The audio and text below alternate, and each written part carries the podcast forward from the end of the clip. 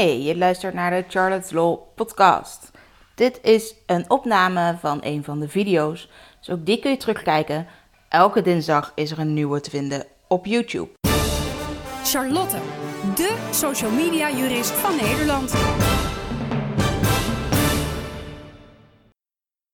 Want vertrouwen is heel belangrijk. Vertrouwen is ook absoluut wel de basis.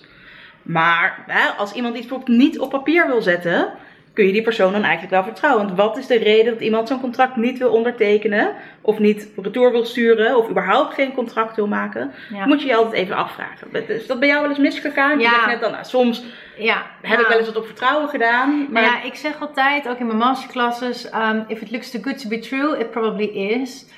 Als het te mooi, ehm, te mooi om waard eh, lijkt te zijn, dan is het waarschijnlijk ook zo. Dus ja, ik, kijk, heel erg wantrouwend in het leven zijn is natuurlijk niet leuk, maar het is wel ehm, ja, zakelijk. En ik ben daar wel heel zakelijk in, ja, Ja. nog veel meer in geworden. Maar eh, ja, ik heb het ook geleerd van, eh, van huis uit. Mijn tante die eh, werkte altijd bij mijn vader. En mijn tante zei altijd, alle contracten moeten retour. Ja. Alles wat je de deur uitstuurt, moet een kopietje van. En dus ja, ik heb echt mappen vol. Ja. Ehm, ja, Ja, het, is, liever- het is inderdaad misschien niet het leukste werk. Hè? Het is een beetje administratief gebeuren. Maar ja, als je dit bijvoorbeeld uiteindelijk niet betaald zou krijgen, dan vind je het pas echt heel vervelend dat je daar Nou ja. veel werk in gestoken hebt. Of dat het andersom, dat iemand jou, eh, van jouw geld wil hebben omdat je iets verkeerd hebt gedaan, omdat Ja. het niet goed is afgesproken. Ja. En eh, ja, dat kan wel eh, heel hoog oplopen. Ja, precies. Ben je ook wel eens te snel iets gaan doen? Dat, dat, dat je inderdaad dat soort problemen hebt gehad? Dat mensen zeggen, ja maar Nee, ik denk het niet. hè, zo'n adverteerder die misschien zegt, ja, maar we hadden dit niet gewild, het had anders gemoeten.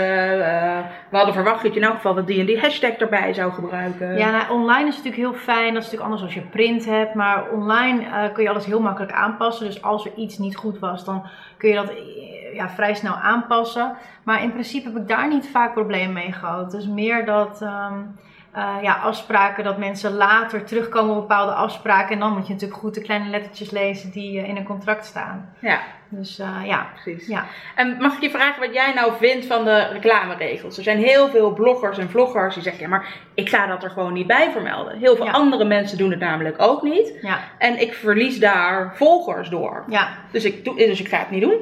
Nee, nou ja, ik, ik heb wel het gevoel dat ik altijd een soort van eh, voorbeeldfunctie heb. Omdat ik wel een van de eerste was met een hele grote website met heel veel bezoekers. Ehm, mensen kijken ook naar wat ik doe. Dus ik vind het zelf belangrijk. En ja, weet je, als het een regel is, is het een regel. En dan ga ik daar niet heel moeilijk over doen. En aan de andere kant, ik ben daar ook gewoon trots op. Ik heb adverteerders. eh, daar leef ik ook voor een deel van. En eh, ja, als die betalen daarvoor, mogen mijn volgers dat gerust weten. Ik ga daar niet ingewikkeld Nee. over lopen doen. En er zijn heel veel bedrijven die dan vragen aan jou als eh, blogger of vlogger van... Ja, we willen het niet dat je het erbij zet. Weet je, dat is gewoon geen optie meer. En ik merk wel dat dat steeds normaler wordt nu in de reclamewereld, in de advertentiewereld online. Dus steeds meer bedrijven weten ook dat ze er niet meer onderuit komen. Maar er zijn heel, heel lang tijden geweest dat heel veel bedrijven vroegen, maar hoe wil je het er niet bij zetten? Ook En spreek jij ze daar dan ook op aan? Dat je ook ja, zegt, ik ja zeg maar gewoon, sorry, dat doe ik niet. Ja, nee, dat is gewoon geen optie voor mij. Want eh, ik heb gewoon geen zin in problemen Nee. daarvan te krijgen. Want ik, eh, eh, ik, ik ben bekend in die wereld ehm, eh, online. En mensen houden mij in de gaten. Dus hè, als iemand erop aangesproken zal worden, dan zal ik een van de eerste zijn, denk ik. Dus ik, nee, ik, ik vind het belangrijk om, om daar ook het goede voorbeeld in te geven. En ik vind het ook prima om de regels na te leven die er zijn. Ik vind het ook logisch. Dus ja. goed. Ja. ja. Zijn er nou voor jou nog als allerlaatste tip die je misschien mee wil geven? Iets waar je misschien al eerder wel eens tegenaan bent gelopen? Of we zeggen, nou, als ik dat nou eerder geweten had. ehm, iets waar je andere ondernemers voor wil behoeden. Dus een Ja. juridisch probleem waar je, Ja. waar je misschien... Nou ja, afbeeldingen natuurlijk niet zomaar gebruiken. Hè? Alle dingen Ja. die we net een beetje besproken hebben. Ik denk dat het ook nog wel een belangrijke tip is. Want nu gaan we heel erg vanuit dat jij als ondernemer of als blogger of vlogger aangesproken wordt op eh, iets wat jij fout doet. Maar eh, er zijn natuurlijk ook wel eens mensen die eh, misbruik maken van jouw Ja, vaak. afbeeldingen of teksten. Of, hè, want ja, we hebben het nu een beetje over die andere kant. Maar ik heb ook wel eens aan de andere kant gestaan. En wat ik, ik was daar wel dat heel ehm, duidelijk en rigoureus in. Omdat ik ook vond dat eh, ik een bepaald ja, beeld, eh, hoe zeg je dat, ja, de wereld in moest eh, Mhm. helpen. Dat mensen met I Love Fashion News in, Ja, vroeger je dan- reputatie ja, echt een ja. bepaalde reputatie. Dat mensen wisten van ja, je mag niet zomaar iets van Aniek of van Ja. I Love Fashion News gebruiken. Dus als dat wel gebeurde en we zijn behoorlijk vaak, we hadden nog wel een uitgesproken logo met een hartje I Love Fashion News.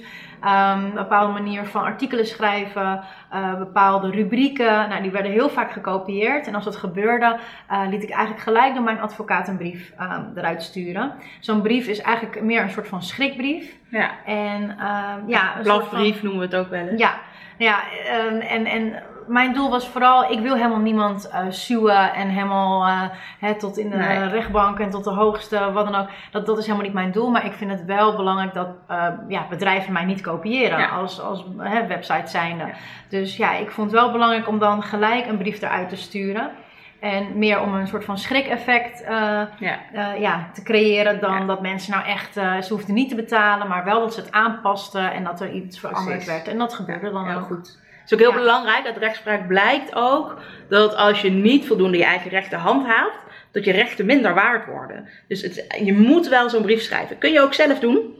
Uh, je kunt het ook een advocaat of een jurist laten doen. Ja, wij dat hadden gewoon zo'n standaard, ja. mijn advocaat had gewoon zo'n standaard brief Precies. voor mij. En dat dan is, dat is gewoon een eigen keuze, dus dat, dat hangt er helemaal vanaf hè, hoe vaak het gebeurt. Misschien ook hoe groter je bent, hoe, ja, helaas hoe vaker je daar gebruik van zult moeten maken. Ja.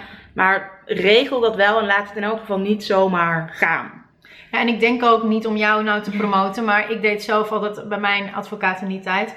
Um, ik denk dat het belangrijk is dat als iemand een brief ontvangt van jou persoonlijk, is het een heel ander gevoel dan dat je een brief van een advocaat ja, krijgt. Zeker. Dus ik vond dat zelf uh, het geld waard. En ja. ja. ik betaalde daar een paar honderd euro voor. Volgens mij minder dan 200 euro in die tijd. En ja, dat had voor mij dan wel het gewenste effect. En ik denk dat het wel anders was geweest als ik had geschreven: ja, uh, hallo, uh, ik wil dit niet groeten, niet verwonderen. Dat is wel een ander ja, schrik-effect. Nee, het is ook zeker zo dat wij hebben ook heel vaak cliënten die het wel zelf geprobeerd hebben. En dat dat inderdaad niet werkt.